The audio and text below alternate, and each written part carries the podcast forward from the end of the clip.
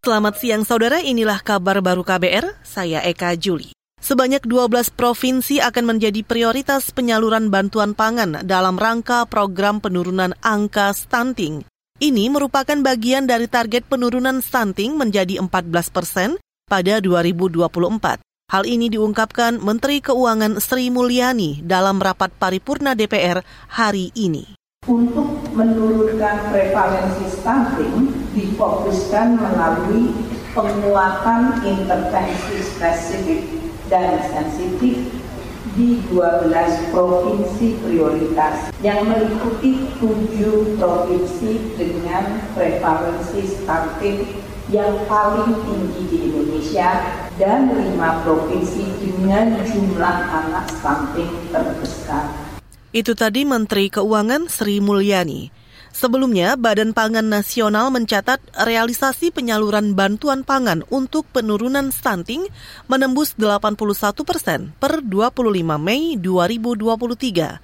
Bantuan diberikan kepada 1,4 juta keluarga risiko stunting di tujuh provinsi, yakni Banten, Jawa Barat, Jawa Tengah, Jawa Timur, Sumatera Utara, Sulawesi Barat, dan Nusa Tenggara Timur. Kabar Pemilu. Kabar Pemilu. Pemerintah mengeklaim telah memetakan kerawanan politik hingga keamanan di Papua pada pemilu 2024. Menteri Koordinator Politik, Hukum, dan Keamanan Mahfud MD menyebut potensi gangguan salah satunya berasal dari kelompok separatis. Yang terbaru adalah kasus penyanderaan pilot Susi Air. Nah, untuk itu dalam konteks koordinasi antara Kemenko Polhukam dengan penyelenggara pemilu dan kementerian terkait, maka terkait kondisi keamanan di Papua, salah satu hal yang perlu dicatat penting sekarang ini sedang terjadi isunya, kasusnya penyanderaan pilot. Yang kedua masih sering terjadi pembunuhan warga sipil. Kita tidak usah uraikan, ini masih sering terjadi. Menko Polhukam Mahfud MD juga menambahkan Pemekaran wilayah di Papua juga bakal memengaruhi stabilitas penyelenggaraan pemilu, sebab pemekaran berarti menambah jumlah daerah pemilihan. Kondisi ini berpotensi memunculkan gejolak sosial dan politik. Kita ke informasi lain, beralih ke informasi olahraga.